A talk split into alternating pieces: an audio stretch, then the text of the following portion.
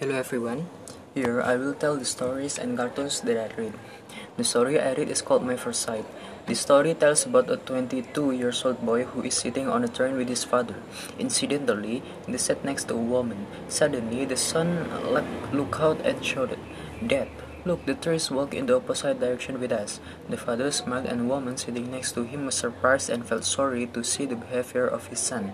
Few minutes later, the son shouted again and said, Dad, look, the clothes are going with us.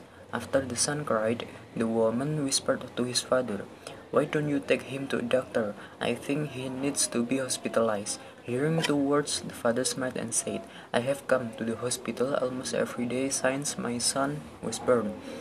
My son was blind since his birth, and today he had just recovered from the blindness. Everyone has their own reasons, not just to justify what we see today, so don't judge people by what we see. The cartoon I watched was called Kung Fu Panda. One day, there is a panda named Po. He helped his father sell noodle, noodles every day. He is crazy about Kung Fu, and his idols are the five warriors who, who live in the hilltop temple.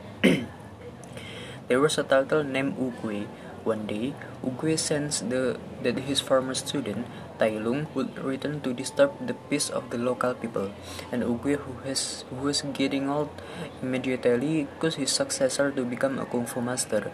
Then the five warriors prepare for the selection ceremony, but they are not chosen because fate says Oogway's successor is Po. Shifu, the teacher of the five swordsmen, didn't believe it and protested to Oogway. But Oogway only said that Shifu only needed to guide Po to become a great Kung Fu master. Then Shifu patiently teaches Kung Fu techniques to Po. It was time for the attack on the village by Tai Lung.